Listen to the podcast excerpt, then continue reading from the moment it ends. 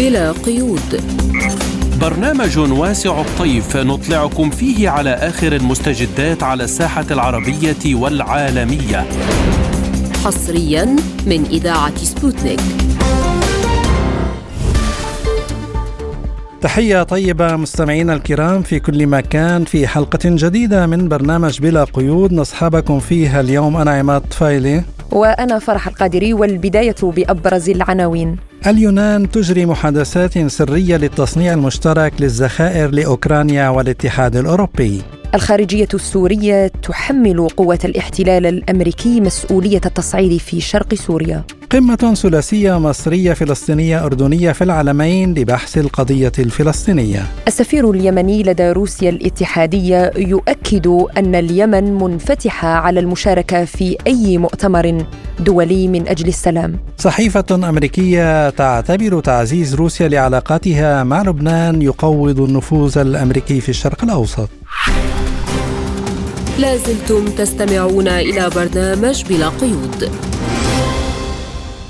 ونبدأ التفاصيل بالملف الأوكراني حيث تجري شركة الأسلحة Hellenic Defence Systems اليونانية محادثات مع مصنعي الذخيرة الدوليين للمشاركة في برنامج لإنتاج ذخائر لدعم أوكرانيا وتجديد مخزون الاتحاد الأوروبي. وبحسب وسائل إعلامية فإن المفاوضات تجري في سرية تامة وهي في مرحلة النضج إلى حد ما.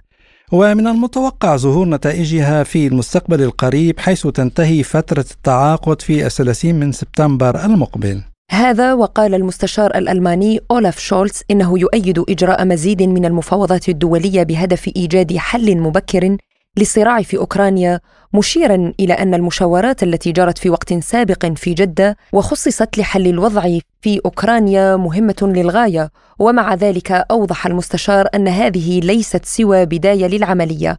حول هذا تحدث الخبير في مركز الدراسات الأوروبية أرتيوم سوكولوف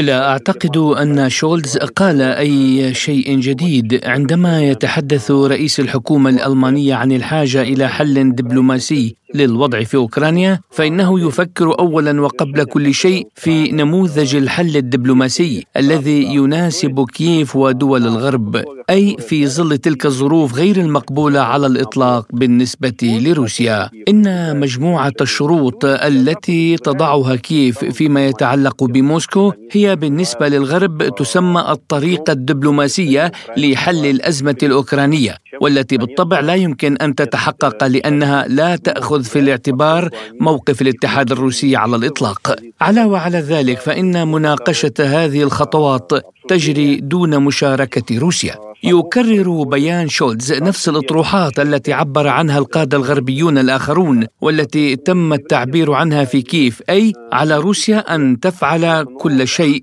وكيف لا يجب عليها أن تلتزم بأي شيء. هذا طبعا لا يمكن أن نسميه طريقة دبلوماسية لحل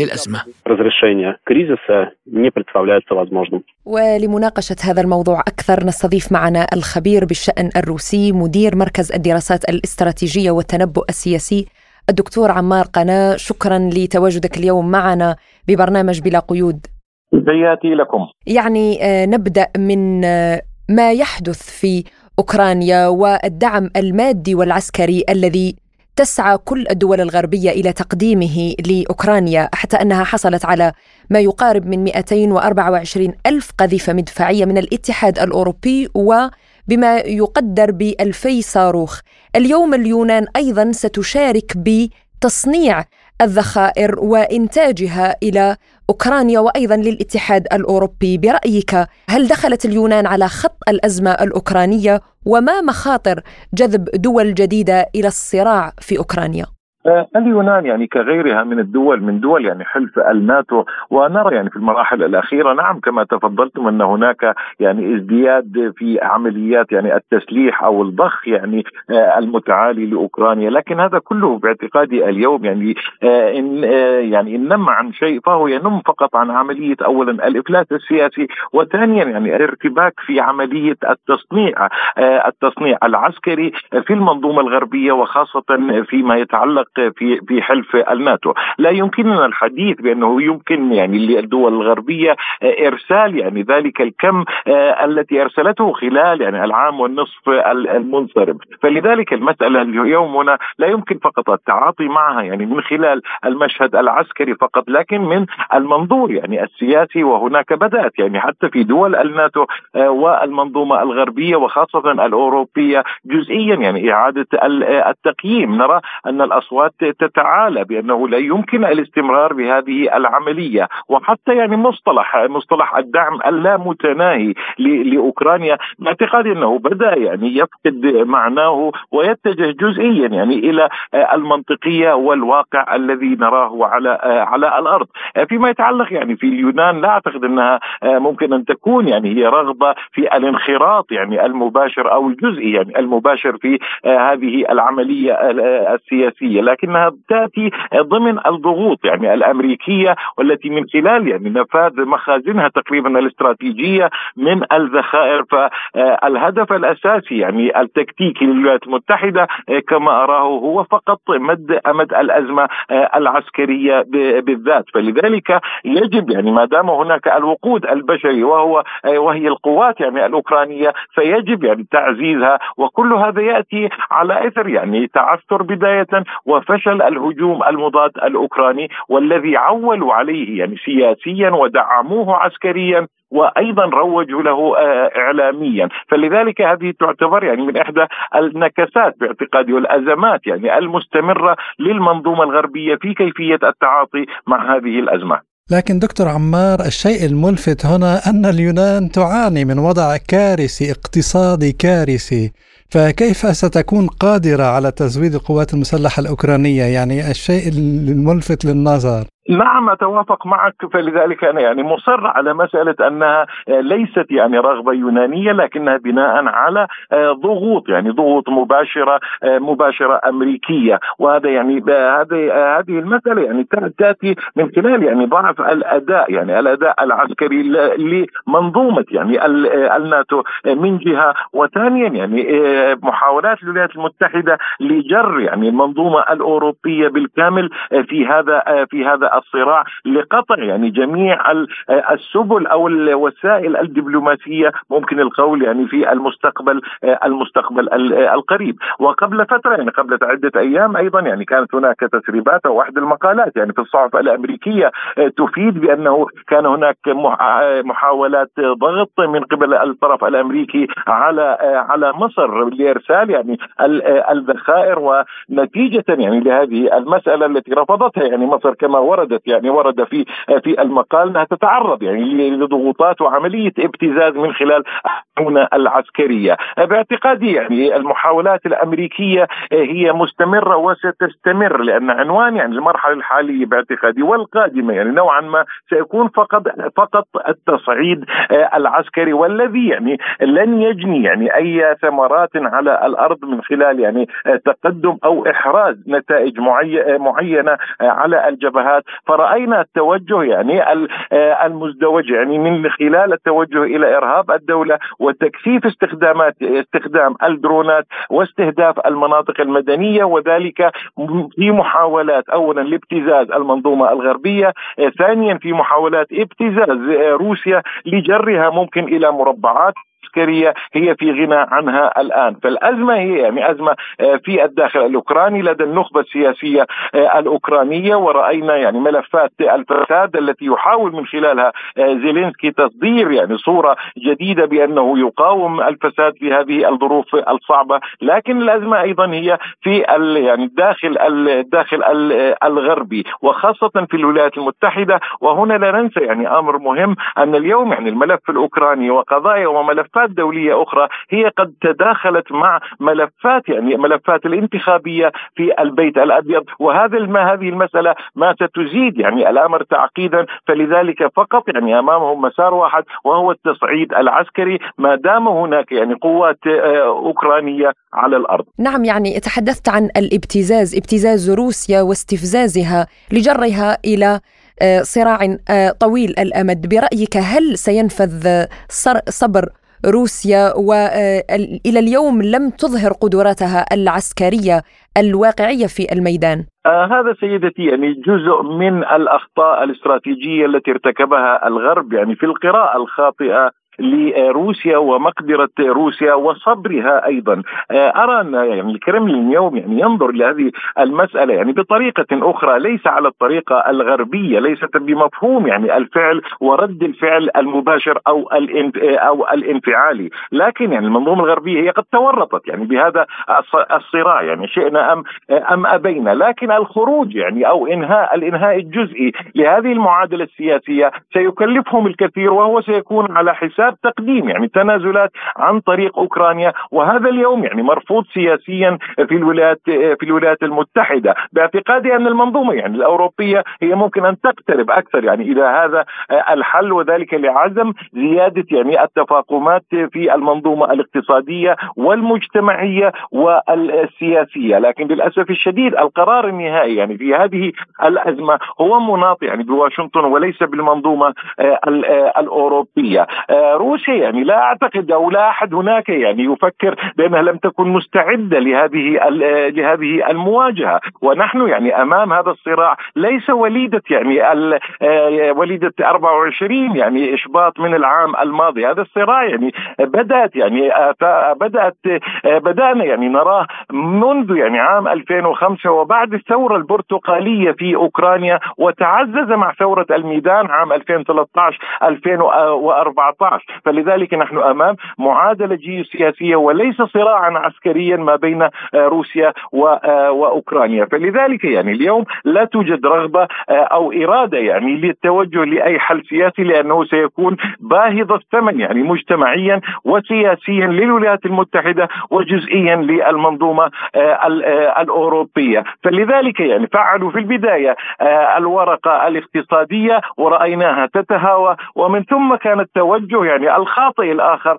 إلى تفعيل الورقة العسكرية والتي تدفعها يعني دما القوات الأوكرانية وأوكرانيا التي اليوم لا نستطيع القول يعني إنها فقط يعني باتت دولة فاشلة وأداة يعني عسكرية وليست حتى سياسية لدى الولايات المتحدة ضد روسيا.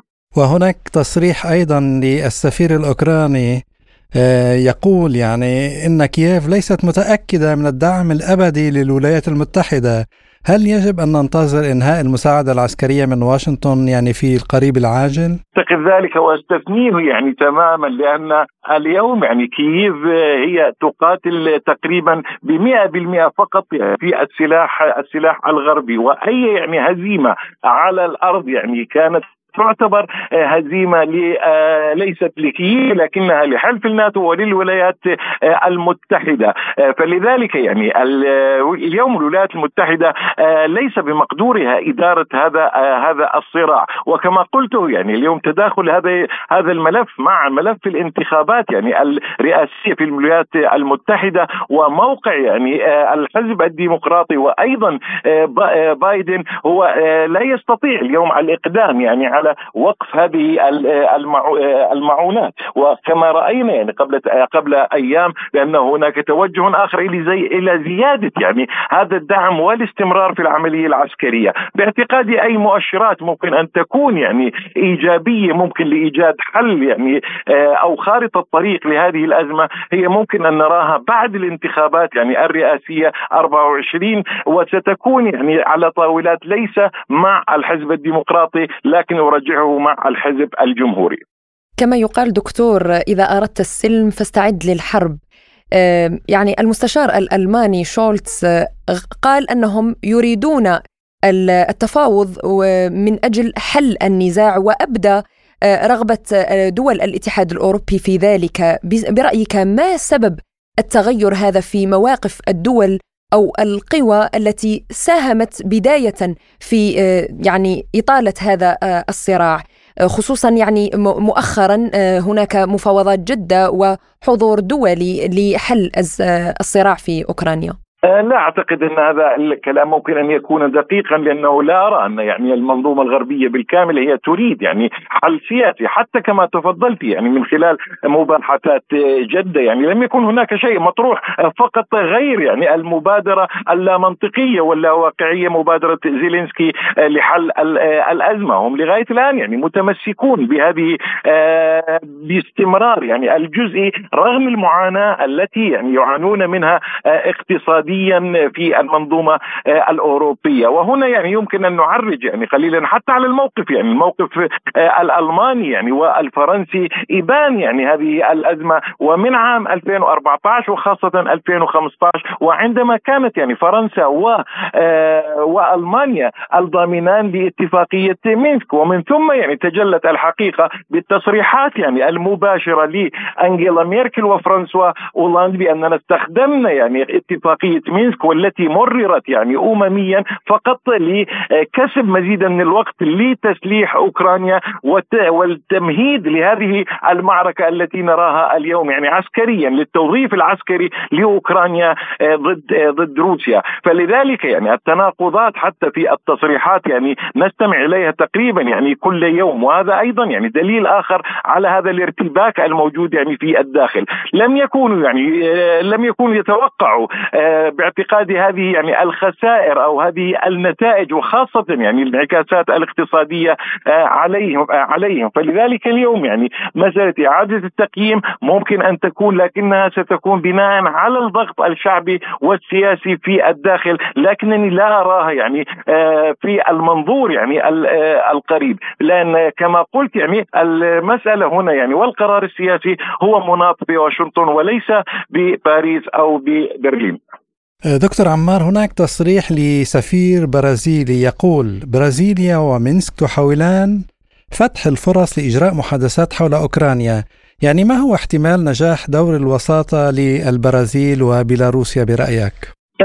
لا أعول يعني كثيرا على مثل هذه الوساطات لأن المعادلة اليوم يعني لدينا مرة أخرى هي ليست يعني معادلة ذو طرفين يعني روسي وأوكراني، المعادلة يعني أكبر من ذلك وهي مرتبطة يعني مباشرة بالنظام الدولي الجديد والمعادلة الجيوسياسية القادمة والانتقال يعني إلى النظام الدولي آه، الجديد. يعني ما يطرح يعني في الفضاء الإعلامي أو حتى الرسمي. يعني هناك الكثير من المبادرات آه، منها يعني الإفريقية والكثير يعني. وخاصة يعني ممكن التطرق إلى المبادرة الصينية. لكن إذا تعمقنا يعني في بنود يعني هذه المبادرات يعني أنا أرى أن المبادرة يعني الأقرب إلى الواقع هي المبادرة الصينية. وهي ليست بمثابة يعني آه، حل أو آلية لحل الصراع العسكري ما بين روسيا وأوكرانيا بل هي باعتقادي بمثابه يعني الوسيلة والتي من خلالها يمكن الانتقال إلى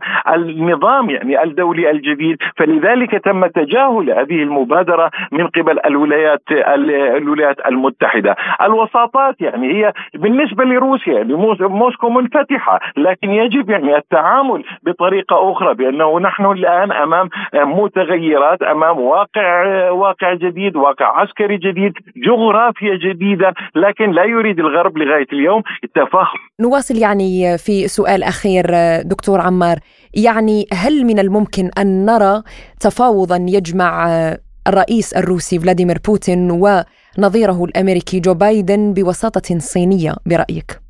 لا أعتقد أن المسألة ممكن نراها بهذا الشكل وذلك لأنها يمكن أن تؤثر يعني سلبا كثيرا على آه، مستقبل بايدن السياسي من خلال يعني طروحاته وتمسكه يعني بالموقف الأمريكي الداعم آه، الداعم لأوكرانيا.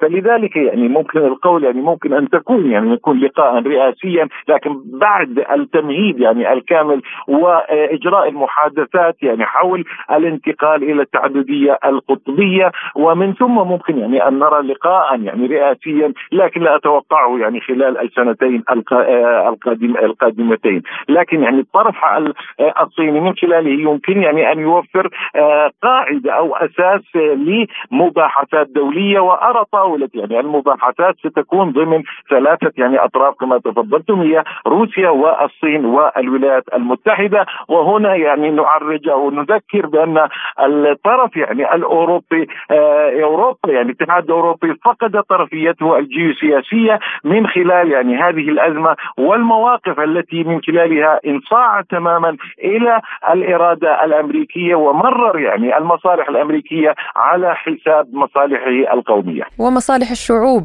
كذلك نعم. طبعا نعم الخبير بالشأن الروسي مدير مركز الدراسات الاستراتيجية والتنبؤ السياسي الدكتور عمار قناة شكرا جزيلا لك دكتور عمار شكرا شكرا لكم. لازلتم تستمعون إلى برنامج بلا قيود. وفي سوريا أعلنت الخارجية السورية أن القوات الأمريكية والتنظيمات التابعة لها استهدفوا حافلة عسكريين سوريين ما أسفر عن مقتل عدد من العسكريين وإصابة آخرين.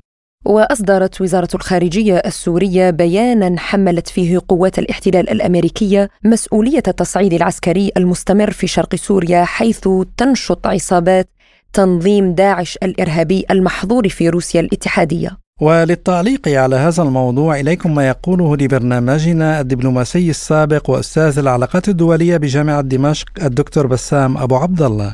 إذا تابعنا هناك تركيز منذ فترة تقريبا من قبل الجانب الروسي والإيراني وأيضا الحكومة السورية على موضوع وجود قوات الاحتلال الأمريكية وتحميل أسباب المأساة الاقتصادية والعقوبات والحصار وأيضا إعادة إنتاج الإرهاب مرة أخرى فيما يذكرنا بأحداث التي بدأت في 2012 و13 وهذا الأمر ما من شك أنه بناء على معلومات يعني متوافره لدى الجانب السوري وأيضا الروسي الذي كان قد تحدث عن إعادة إنتاج هذه الجماعات وتدريبها وإشراف قاعدة التنف على عملياتها وتوجيهها لوجهتها لا تسليحها وأيضا آه، كان سبق أن أطلق سراح عدد كبير من أعضاء تنظيم داعش في المخيمات أو عفوا من سجون موجودة لدى تنظيم قسد العميد الولايات المتحدة. وبالتالي إعادة تجميع هذه المجموعات التي بدأت عملياتها الإرهابية تظهر تباعا في أكثر من مكان، البادية السورية في مناطق دير الزور وفي مناطق الرقه وأيضا آه، في بعض المناطق آه، هنا قرب دمشق يعني. وتحميل الولايات المتحدة المسؤولية ليس هو من مجرد اتهام سياسي إنما هو مبني على أنا أقول فقط أنه آه، بيان الخارجية فقط لتثبيت آه، هذه الوقائع التي أصبحت مكشوفة وهناك اتهام يعني أصبح مباشر لقوات الاحتلال الأمريكي سبق لوزير الخارجية السوري نوضح الأمور أن أطلق من طهران بأن على قوات الاحتلال الأمريكي أن تنسحب يعني آه، وإلا ستجبر على الانسحاب وهذا يعني إشارة إلى أن مقاومة شعبية ستنطلق بشكل تدريجي وسوف تستهدف قوات الاحتلال الأمريكي. بشكل تدريجي لا نتحدث عن غدا أو بعد غد. وحول ما إذا كان هناك أي اهتمام من المجتمع الدولي لمعاناة السوريين يقول أبو عبد الله. اهتمام لنقل للأسف كلمة مجتمع دولي كلمة أصبحت مطاطه يعني بهذا المعنى. هناك أصدقاء وحلفاء يقدمون مساعدات ولكن هناك إشارة كان قد تحدث عنها رئيس بشار الأسد آه، آه، لقناه سكاي نيوز الاماراتيه عندما قال هناك ترتيبات تتم مع منظمات الأمم المتحدة لتنفيذ برامج دقيقة وتفصيلية آه، يعني قد تكون جزء من تخفيف المعاناة عن الشعب السوري. أما بشكل عام مثلا فوز الدول الكبرى مثل الولايات المتحدة وفرنسا أو بريطانيا وألمانيا فهم على الإطلاق. أصلا لا يعنيهم هذا الأمر. يعني هذه دول أصبحت تمارس ما نسميه يعني أو ما يسمى بالراسماليه المتوحشه التي لا يمها البشر ولا حقوق الإنسان ولا إنما تبحث عن الثروات والاحتلال والنهب. وهذا الأمر أصبحت جيوشها تحت هذا المعنى تمارس كل أشكال الجرائم ليس فقط ضد الشعب السوري شعوب كثيرة في العالم. وفيما إذا كانت هذه المرحلة ملائمة للتسوية السياسية للأزمة السورية يقول عبد الله. لا أعتقد ذلك. لا يوجد الان طالما هناك احتلالات موجودة على الأرض السورية الاحتلال الأمريكي والاحتلال التركي آه واستهداف دائم. اذا سوريا ما تزال معرضة للعدوان الذي بدأ في عام 2011 وهو مستمر لكن باشكال أخرى.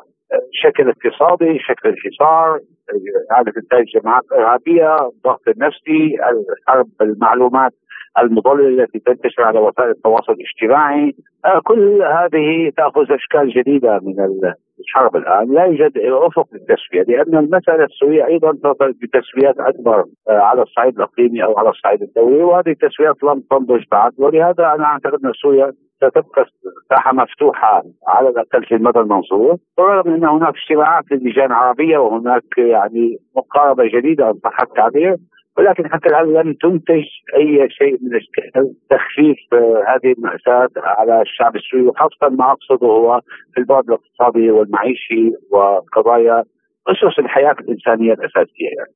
استمعنا إلى ما قاله الدبلوماسي السابق واستاذ العلاقات الدولية بجامعة دمشق الدكتور بسام أبو عبد الله. لازلتم تستمعون إلى برنامج بلا قيود.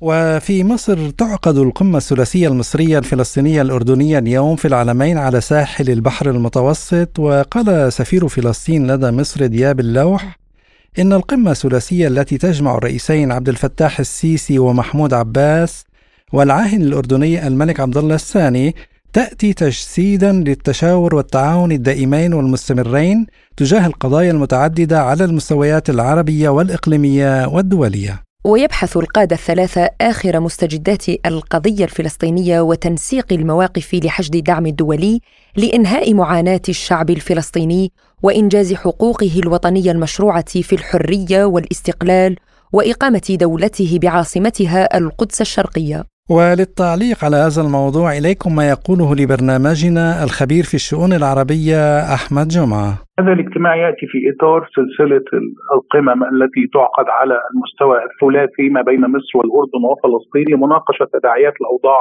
في الأراضي المحتلة وما يقوم به جيش الاحتلال سواء في الضفة الغربية أو قطاع غزة أو مدينة القدس واحاله الانسداد السياسي في العملية السياسية ورفض الجانب الإسرائيلي الجلوس على طاولة المفاوضات أو تفعيل عملية السلام في الشرق الأوسط. هذه القمة تأتي في سياق زيارة من المقرر أن يقوم بها العاهل الأردني الملك عبد الله إلى الولايات المتحدة الأمريكية قبيل أي زيارة خارجية لأي من الزعماء الثلاث يتم التشاور والتنسيق والتشاور لعرض وجهة النظر الفلسطينية ورؤية الفلسطينيين تجاه آه، تطورات الأوضاع في الأراضي المحتلة التي تشهد تصعيدا آه، متصاعدا منذ مطلع العام الجاري. هذا هذه القمة تأتي في هذا السياق التشاور آه، ما هي شواغل الجانب الفلسطيني المعسكر الأوروبي الولايات المتحدة الأمريكية أو روسيا الاتحادية أو الاتحاد الأوروبي. تقوم مصر والأردن بلعب هذا الدور. آه، تعتبر مصر والأردن أحد أبرز الدول المعنية باستقرار الأوضاع في منطقة الشرق الأوسط وتحديدا في الأراضي المحتلة. آه، الدولتان معنيتان بتفعيل عملية السلام والعمل على آه، منح أبناء الشعب الفلسطيني حقوقهم المشروعة في إقامة دوله فلسطينيه وعاصمتها القدس الشرقية على حدود الرابع من يونيو حزيران 1967 وعن النتائج المرجوة من هذه القمم يقول الدكتور أحمد جمعة. المشكل يكمن في الانقسام الفلسطيني الداخلي، الفلسطينيون ليسوا موحدون خلف رؤية فلسطينية وسياسية وطنية لحل هذه الأزمة، الجانب الاسرائيلي يتذرع دوما بأن الفلسطينيين منقسمون على أنفسهم أفاوض من؟ أفاوض السلطة، أفاوض الفصائل الاخرى، هو يصنف بعض الفصائل كتنظيمات إرهابية حتى لا تكون جزءا من العملية السياسية. وهذا بيت القصيد، إسرائيل لها يد في تعزيز وترسيخ الانقسام بين حماس وفتح ما بين قطاع غزة والضفة الغربية، الفصل الجغرافي الذي قامت به إسرائيل من خلال خطه فك الارتباط التي قام بها رائيل شارون من خلال انسحاب أحادي من قطاع غزة لخلق واقع سياسي وعسكري جديد في القطاع. مشكلة الجانب الفلسطيني أنه منقسم لا يوجد تجديد للشرعيات لم تجرى انتخابات في فلسطين منذ سنوات طويلة نتيجة هذا الانقسام. والأدهى لا توجد أي رؤية وطنية وسياسية موحدة من كافة آه، آه، القوى والفصائل الفلسطينية يمكن على أساسها الارتكان آه، إلى هذه الرؤية للدعوة لتفعيل عملية السلام لكن يكمن المشكل الكبير في هذا الأمر. القاهرة وعمان يدعمان السلطة الوطنية الفلسطينية في ظل ما يتردد أنها تعاني بشكل كبير وتدرك القاهرة ويدرك الأردن خطورة انهيار السلطة الوطنية الفلسطينية وتداعيات ذلك على الأردن تحديدا الذي يرتبط بحدود مع الجانب الفلسطيني في الضفة الغربية وبالتالي أي زعزعة للاستقرار في هذه المنطقة أو توتر في هذه المنطقة سينعكس ويرتد بشكل سلبي على الجانب الأردني وبالتالي تعمل القاهرة وعمان على يعني تقوية الجانب الفلسطيني تعزيز صموده العمل على يعني ملاحقة الجانب الإسرائيلي الذي يفرض حصارا سياسيا وعسكريا واقتصاديا على أبناء الشعب الفلسطيني سواء في الضفة الغربية أو قطاع غزة. وفيما إذا كان هناك أي تعاون مع المنظمات الدولية للمساهمة في حل القضية الفلسطينية يقول جمعة. المنظمات الدولية للأسف بعضها مسيس بشكل كبير تتحكم الولايات المتحدة الأمريكية من خلال المال الذي تقدمه كدعم لهذه المنظمات في توجه هذه المنظمات وسياساتها وتوجهاتها وكذلك الجانب الإسرائيلي اخترق عدد كبير من المنظمات القاهرة وعمان يعملان بشكل كبير على إعادة الزخم للقضية الفلسطينية. منذ عام 2011 ومنذ اندلاع أحداث الربيع العربي في الدول العربية تراجع الاهتمام بالقضية الفلسطينية بشكل كبير. لم ينظر أحد إلى القضية الفلسطينية وبالتالي عندما استقرت الأوضاع في القاهرة عملت القاهرة على تنشيط الاهتمام بهذه القضية وإعادة الزخم بالتعاون مع عمان التي لديها أيضا تطلعات لتفعيل عملية السلام واستمرار الوضع كما هو عليه في القدس.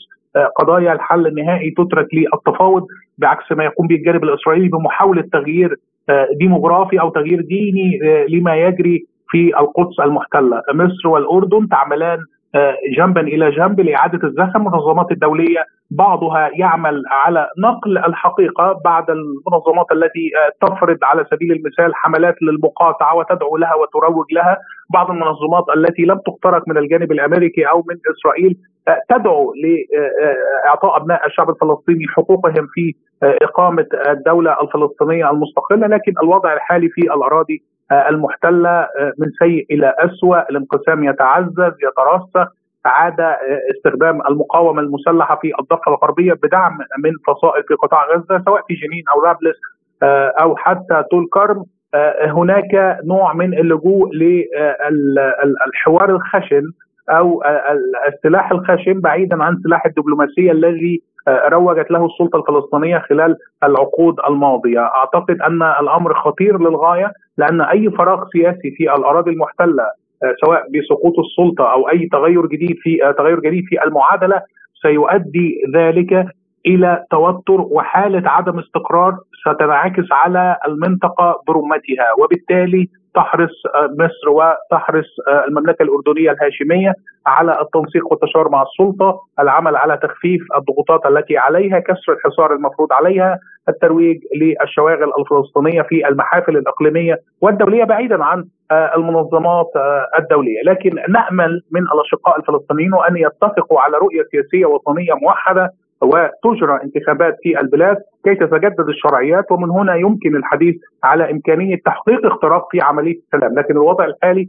لا يبشر ابدا ويبدو أن الأمور ستتصاعد حتى نهاية العام الجاري. استمعنا إلى الخبير في الشؤون العربية أحمد جمعة. لازلتم تستمعون إلى برنامج بلا قيود. وفي الشأن اليمني صرح السفير اليمني لدى روسيا الاتحادية أحمد سالم لوحيشي عن انفتاح بلاده للمشاركة في أي مؤتمرات دولية لا سيما مؤتمر موسكو للأمن الدولي على أعلى مستوى ممكن.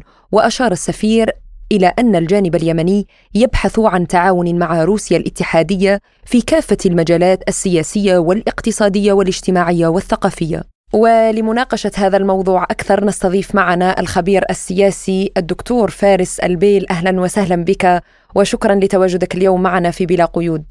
أهلا وسهلا بكم. دعني أبدأ معك من الأزمة اليمنية التي طالت مدتها وشعبها يعاني من تبعاتها. اليوم كيف ترون الدور الدولي لإنهاء هذا الصراع في اليمن؟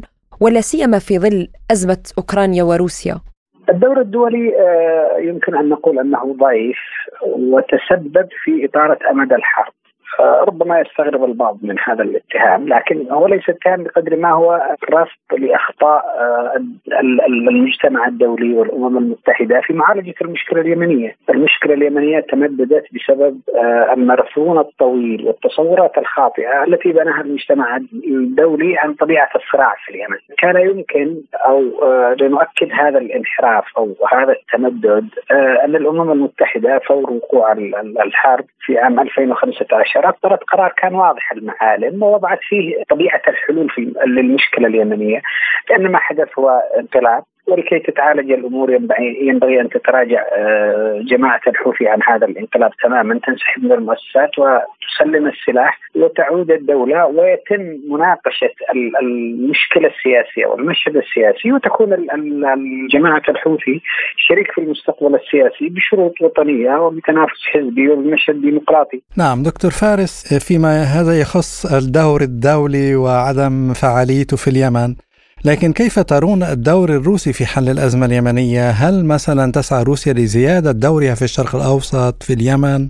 الدور الروسي بوضوح كان خافتا في البداية أو وقف في منطقة هي أقرب انحياز مع الحياد نوعا ما. وشعر أنه المشكلة اليمنية ربما آه، نتيجة ارتباطاتها مثلا بإيران. وأنا أعرف علاقة إيران بالنظام السوري مثلا في تلك الفترة على الأقل. شعر أنه من غير المجدي سحب الورقة اليمنية لمقايضة الغرب فيها. ولذلك ظل الدور الروسي صحيح يؤكد على الشرعية ويؤكد على حلول سلميه للقضية اليمنية لكن لم يكن فاعلا في آه، محاولة جر الأطراف إلى آه، حقيقة سلام، صحيح استضافت آه، روسيا كثير من الأطراف اليمنية بما فيها ميليشيا الحوثي، بما فيها من الاحراك الجنوبي، من الشرعية، وجرت محادثات كثيرة لكن لم يلعب آه، في تقديري آه، أو لم تلعب روسيا آه، دورا في صالح إنهاء معاناة اليمنيين بشكل أو بآخر بعيدا عن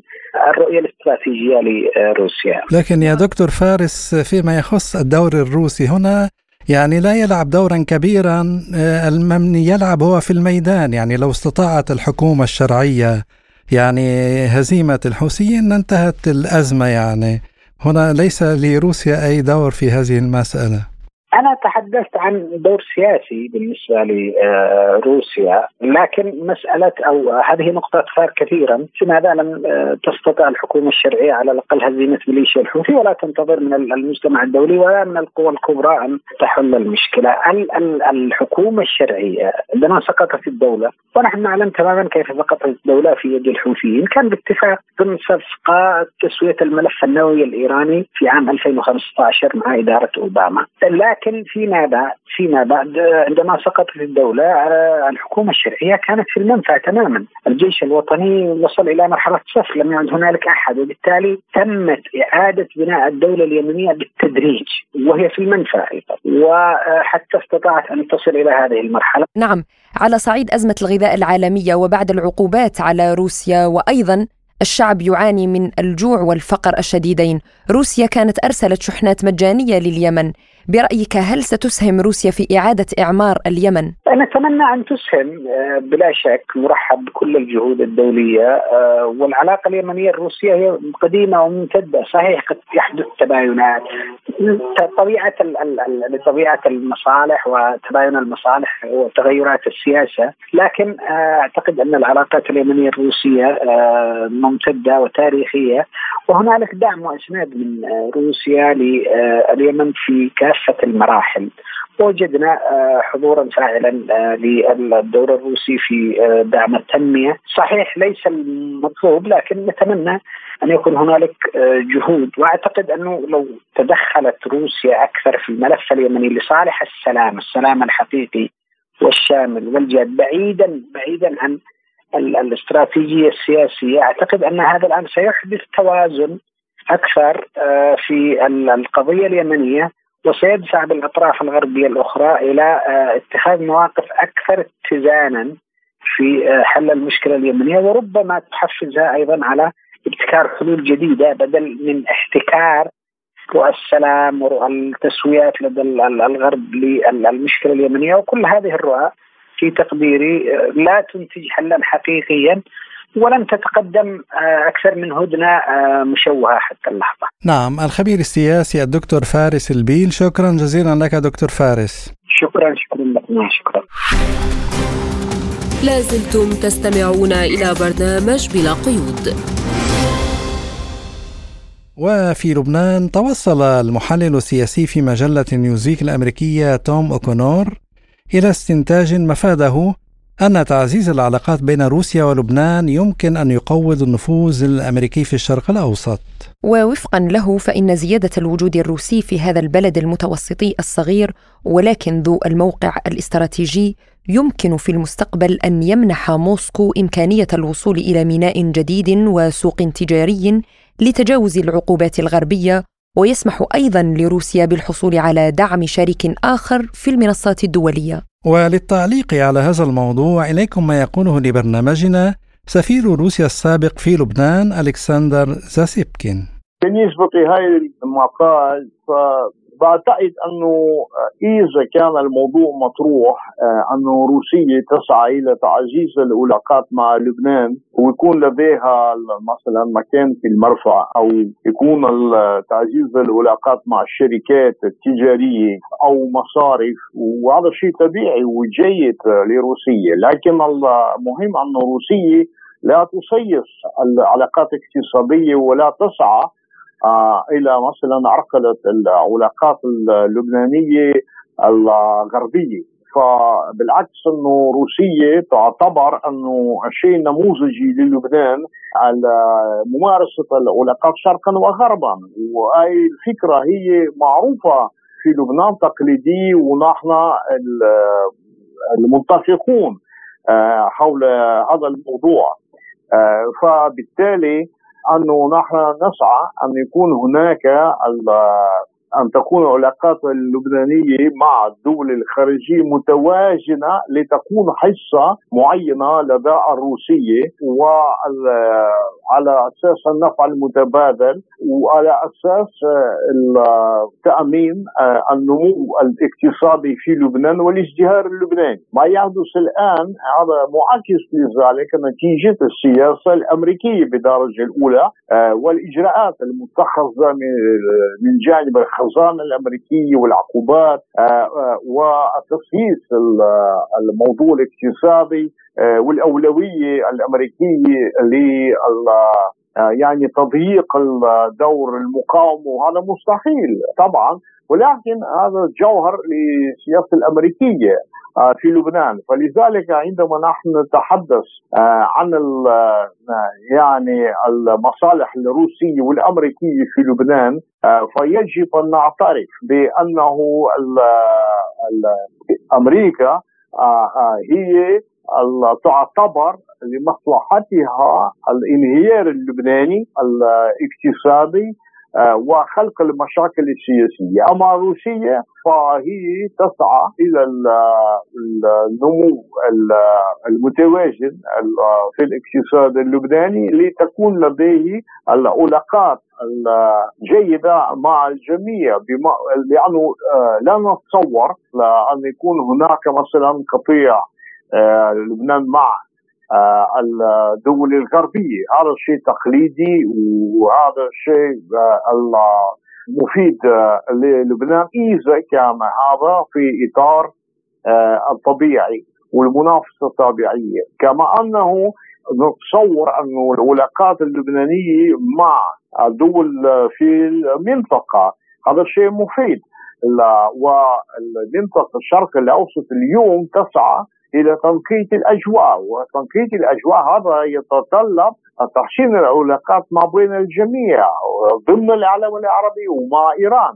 فبالتالي انه دور الاستراتيجي اللبناني آه، هنا مهم جدا. وكذلك العلاقات اللبنانية مع الصين والهند والدول الإفريقية آه، هذا أيضا يعتبر شيئا استراتيجيا وروسيا تعرف ذلك. آه، وتريد استفادة آه، من هذا الشيء لمصلحة الجميع. وفيما إذا كان التعاون مع روسيا سيساعد على تعزيز مكانة لبنان الاقتصادية يقول السفير زاسيبكن. بطبيعة الحال أنه اليوم المواجهة ما بين روسيا والغرب وأمريكا بشكل خاص على الصعيد الدولي آه، هذه المواجهة تؤثر آه، على الأوضاع في كل الأماكن. آه، ولكن مثلا بالنسبة للعالم العربي أو لبنان تحديدا أنا أظن أن روسيا دائما جاهزة لإيجاد القسم المشترك ما بين جميع الأطراف المعنية بما في ذلك مثلا في لبنان. هذا خلي يكون أمريكا وفرنسا والسعودية وإيران والصين وروسيا وسوريا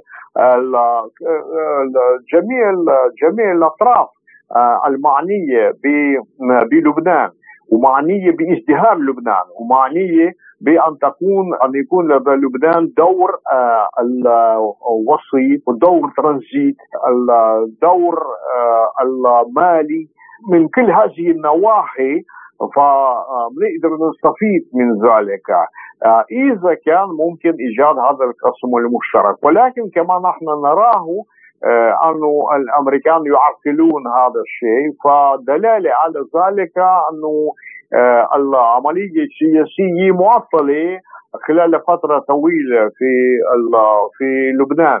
آه نحن مثلا كروسية آه نحن نمارس العلاقات عمليا مع جميع الأحزاب ومع جميع القوى السياسية باستثناء القوى المتطرفة والإرهابية. أما مع الأحزاب القريبة إلى الأمريكان حتى إلى الغرب إلى فرنسا فما فيش مشكلة بالنسبة لنا آه، ونحن دائما نريد أن يكون هناك القسم المشترك آه، ما بين الأطراف الخارجية على أساس اعطاء الدور الاتخاذ القرار للبنانيين أنفسهم. وأظن انه الفكرة الأساسية السليمة للبنان في لبنان آه، أن يكون هناك الاتفاق ما بين الأحزاب الأساسية حول آه الأجندة الداخلية. ما هي الإصلاحات المطلوبة؟ ما هي التعديلات المطلوبة في النظام السياسي أو في النظام المصرفي في موضوع الكوادر؟ وحول إمكانية خسارة الولايات المتحدة نفوذها بالفعل في المنطقة وهل يمكن أن يشكل ذلك حافزا لدول أخرى تسعى للتخلص من الهيمنة الغربية؟ يقول زاسيبكين حول حجم النفوذ للأطراف الأساسية هذا حديث طويل عريض ويتطلب الوقت هنا المسألة الأساسية تتعلق آه، بالأفق الاستراتيجية لما يحصل اليوم في العالم. أو خلال هذه الفترة ونحن نقول انه نعيش مرحلة انتقالية. من نظام كتب واحد وهذا كتب بقيادة الكتب أمريكا يعني. فإلى تعدديه الاقطاب هذا تلقائيا طبعا يؤدي إلى انخفاض الدور الأمريكي نفوذ أمريكي. ولكن أمريكا في كل الأحوال ستبقى القوى العالمية. آه، آه، آه، ولكن ما هو الأهم كل ذلك أنه ما هي التكتلات سوف تتكون نتيجة لهذا التحول الذي يجري الآن. حسب الآراء للخبراء الروس والدوليين أنه كل تكتل يجب أن يشمل آه، عدد آه، مئات ملايين الناس. آه، فلذلك الآن يشعرون في كل مكان في الشرق الأوسط أو في المنطقة الأورو الآسيوية فيها روسيا أو العالم الغربي أو إفريقيا. يشعر الحاجة لتوحيد الجهود. بأي درجة بتصير تحقيق هذا الهدف فلا لا نعرف. فهل تكون العلاقات ما بين الشرق الأوسط والتكتلات الآسيوية أو اورو الاطلسيه أو إفريقية؟ بأي درجة تتطور؟ اليوم صعب جدا أن نحدد. فقط آه، ممكن نقول آه، أنه هذا التوجه الأساسي. ونحن مثلا نرى العلاقات الروسية آه، مع دول البريكس أو مع دول الإفريقية. الجوهر الأساسي أنه نبحث عن العلاقات الاستراتيجية في كافة المجالات الاقتصادية المالية آه الأمنية وإلى آخره. آه ليكون نظام جديد آه في العالم أكثر عدالة ويؤمن آه المصالح المتساوية آه للجميع الأعضاء في المجتمع الدولي. بأي درجة آه سينجح هذا النهج منشوف وهذا يتحقق من خلال النزاعات من خلال تناقضات والنزاع في أوكرانيا مثلا المثال على ذلك. استمعنا إلى سفير روسيا السابق في لبنان ألكسندر زاسيبكين. لازلتم تستمعون إلى برنامج بلا قيود. ونختم الحلقة مستمعينا الكرام بملفنا الاجتماعي ومن تونس حيث احتفلت بعيد المرأة الوطني الذي يوافق ذكرى صدور مجلة قانون الأحوال الشخصية في الثالث عشر من أغسطس آب عام 1956 وصدرت حينها سلسلة من القوانين التقدمية التونسية بمقتضى أمر من باي تونس ضمن مجلة الأحوال الشخصية والتي دخلت حيز التنفيذ في يناير كانون الثاني من العام التالي 1957 وبالتزامن وهذه المناسبة كشفت وزيرة المرأة التونسية أمال بالحاج أن الوزارة تعمل حاليا على استراتيجية وطنية طموحة للنهوض بمشاركة الفتيات والنساء التونسيات في ريادة الأعمال في تونس. وللحديث عن هذا الموضوع نستضيف معنا من تونس رئيسة الاتحاد التونسي للمرأة الأستاذة راضية الجربي. بداية شكرا لتواجدك اليوم معنا في بلا قيود ونهنئك والنساء التونسيات بالعيد الوطني يعني ماذا يمثل هذا اليوم للمرأة التونسية؟ شكرا على استضافتي في آه، برنامجكم ودعوتي للحديث عن 13 أوت وعيد المرأة التونسية والحديث عن قانون أحوال الشخصية وغيرها من القوانين اللي تنظم العلاقات داخل الأسرة وتنظم العلاقات أيضا بين الأزواج وبين المواطنين والمواطنات بشكل عام في تونس. المجلة إذا و13 أوت هو يوم هام بالنسبة إلينا لأنه أيضا يترجم مدى تمدن أو تحضر إن شئنا أو أيضا آه، مدى مواكبة التوانسة والتشريع التونسي للتطورات آه، القانونية والنضالات الحقوقية في مختلف دول العالم فيما يتعلق بمسألة المساواة ومسألة آه، الحقوق الإنسانية بما في ذلك الحقوق الإنسانية للنساء أستاذة راضية يعني ما هي مطالب المرأة التونسية اليوم في قانون الأحوال الشخصية؟ بالنسبة لي قانون الأحوال الشخصية. آه، هو قانون كما قلت هو قانون مهم مهم للغاية مهم لأنه ينظم العلاقات داخل الأسرة أو حتى قبل نشأة الأسرة وأتحدث عن الخطبة أي يعني العلاقة ما قبل الزواج. ولكن أيضا فيها بنود كثيرة تتعلق بمسألة الزواج وأيضا كيفية فك الرابطة الزوجية كل المسائل التي عندها علاقة بالزواج وبالطلاق وبمسائل الحضانة والولاية وحق السكن ولقب الزوجة وقسمة الممتلكات والاشتراك في الملكية إبان الزواج وغيرها من المسائل الهامة والهامة جدا آه، تطرقت إليها مجلة الأحوال الشخصية أو النصوص القانونية المتممة لها.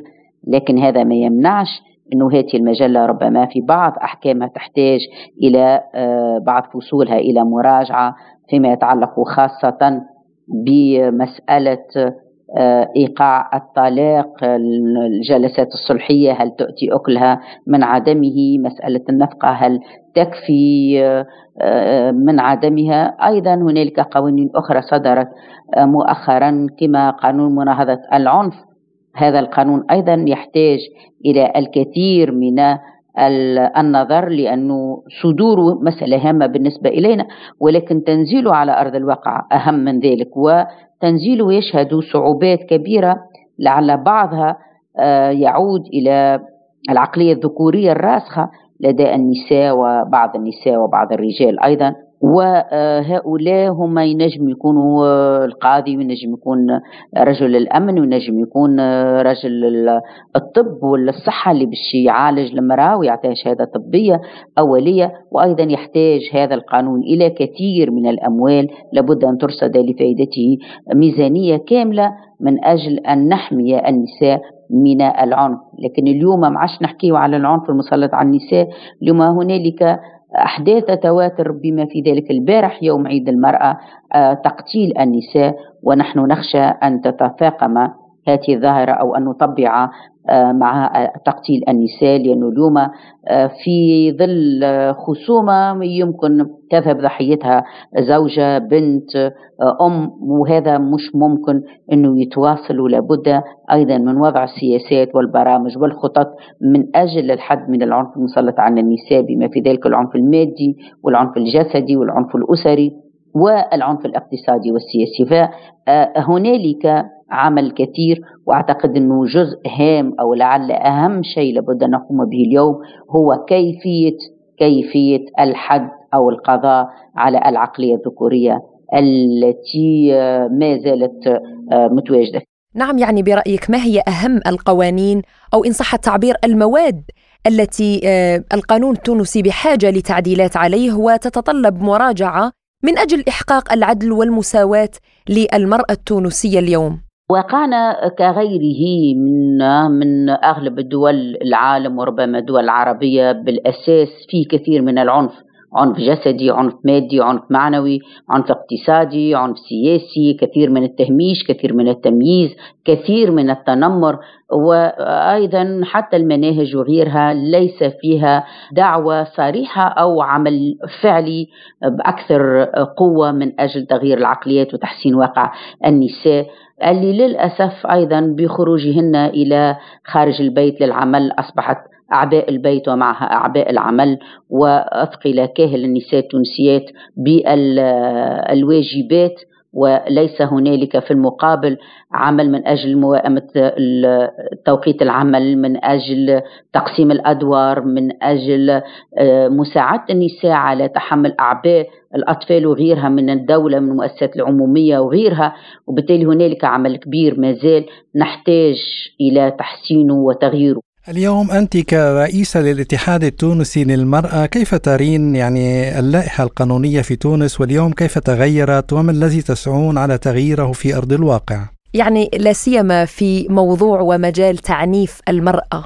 نعم النساء التونسيات آه، ما زلنا ضحايا العنف وما زالوا آه، يرغبون في آه، تغيير بعض القوانين التي تحتاج كما قلت إلى مراجعة ليس مجال الأحوال الشخصية فقط ولكن بالأساس قانون 58 النص على مناهضة كل أشكال العنف المسلط على النساء لأن هذا القانون يحتاج لتطبيقه إلى الكثير من الأوامر الترتيبية والأوامر المناشير أيضا لتطبيقه ولكن أيضا يحتاج إلى أموال كثيرة وميزانية مرصدة لفائدته وهذا الكل غير موجود أو غير موجود بالشكل الكافي مما جعل هذا القانون رغم أهميته ورغم قيمته رغم آه، تلبيته لما متطلبات أه وجزء من طلبات النساء التونسيات إلا أنه ظل في أغلب بنوده في الرفوف لأنه يحتاج يحتاج إلى تغيير العقليات يحتاج إلى ميزانية يحتاج إلى مراجعات مبدئية على مستوى المناهج التربوية التعليمية الثقافية الدينية وغيرها. وهذا أيضا ظل محتشم وهذا اللي نعمل من أجل تغييره ومن أجل تحسينه. وقع النساء أيضا في مواقع القرار أو وصول النساء لمواقع القرار أيضا يحتاج إلى مراجعة ومراجعة فعلية وحقيقية حتى نسمح للنساء بالوصول لمواقع القرار إن كنا يرفضن ذلك. وهذا وهذه نسبة قليلة وقليلة جدا. و أيضا إن كنا يحرمنا من ذلك وهذا هو واقع النساء في الإدارات وفي العديد من المؤسسات. وأيضا ما زال يحتاج إلى التعيينات لأن هنالك تعيينات تنبع من قرارات سياسية وقرارات سيادية. وهذه القرارات أيضا نحتاجها من أجل وجود النساء في أكثر من موقع هام وفي مواقع عليا في الدولة. آه، تونس كانت عندها رئيس حكومة وكنا نفتخر بذلك. اليوم محتاجين إلى الكثير من النساء في الكثير من المواقع خاصة وقد بينت المرأة التونسية وأنها كفاءة كفاءة على مستوى التعليم كفاءة على مستوى النتائج على مستوى في, في البحث العلمي في تخرج من الجامعات. وأعتقد أننا نحتل المرتبة الأولى عالميا على آه، مستوى تخرج النساء. من المعها من الكليات العلمية وغيرها وهذايا ما نراوهوش على أرض الواقع. لذلك نحن نحتاج إلى استغلال والاستثمار في نسانا من أجل المشاركة في تحسين ورسم السياسات المستقبلية لبلادنا لأنه هذايا موش حكر على الذكور وإنما هي مسألة تهم النساء كما تهم الرجال. رئيسة الاتحاد التونسي للمرأة الأستاذة راديا الجربي شكرا جزيلا لك أستاذة راديا. شكرا على استضافتي وإن شاء الله كل نساء تونس بألف خير وكل نساء العالم بألف خير أيضا. وبهذا نصل وإياكم مستمعينا الكرام إلى ختام حلقة اليوم من برنامج بلا قيود. كنا فيها معكم أنا فرح القادري. وأنا عماد الطفيلي وشكرا لإصغائكم وإلى اللقاء. إلى اللقاء.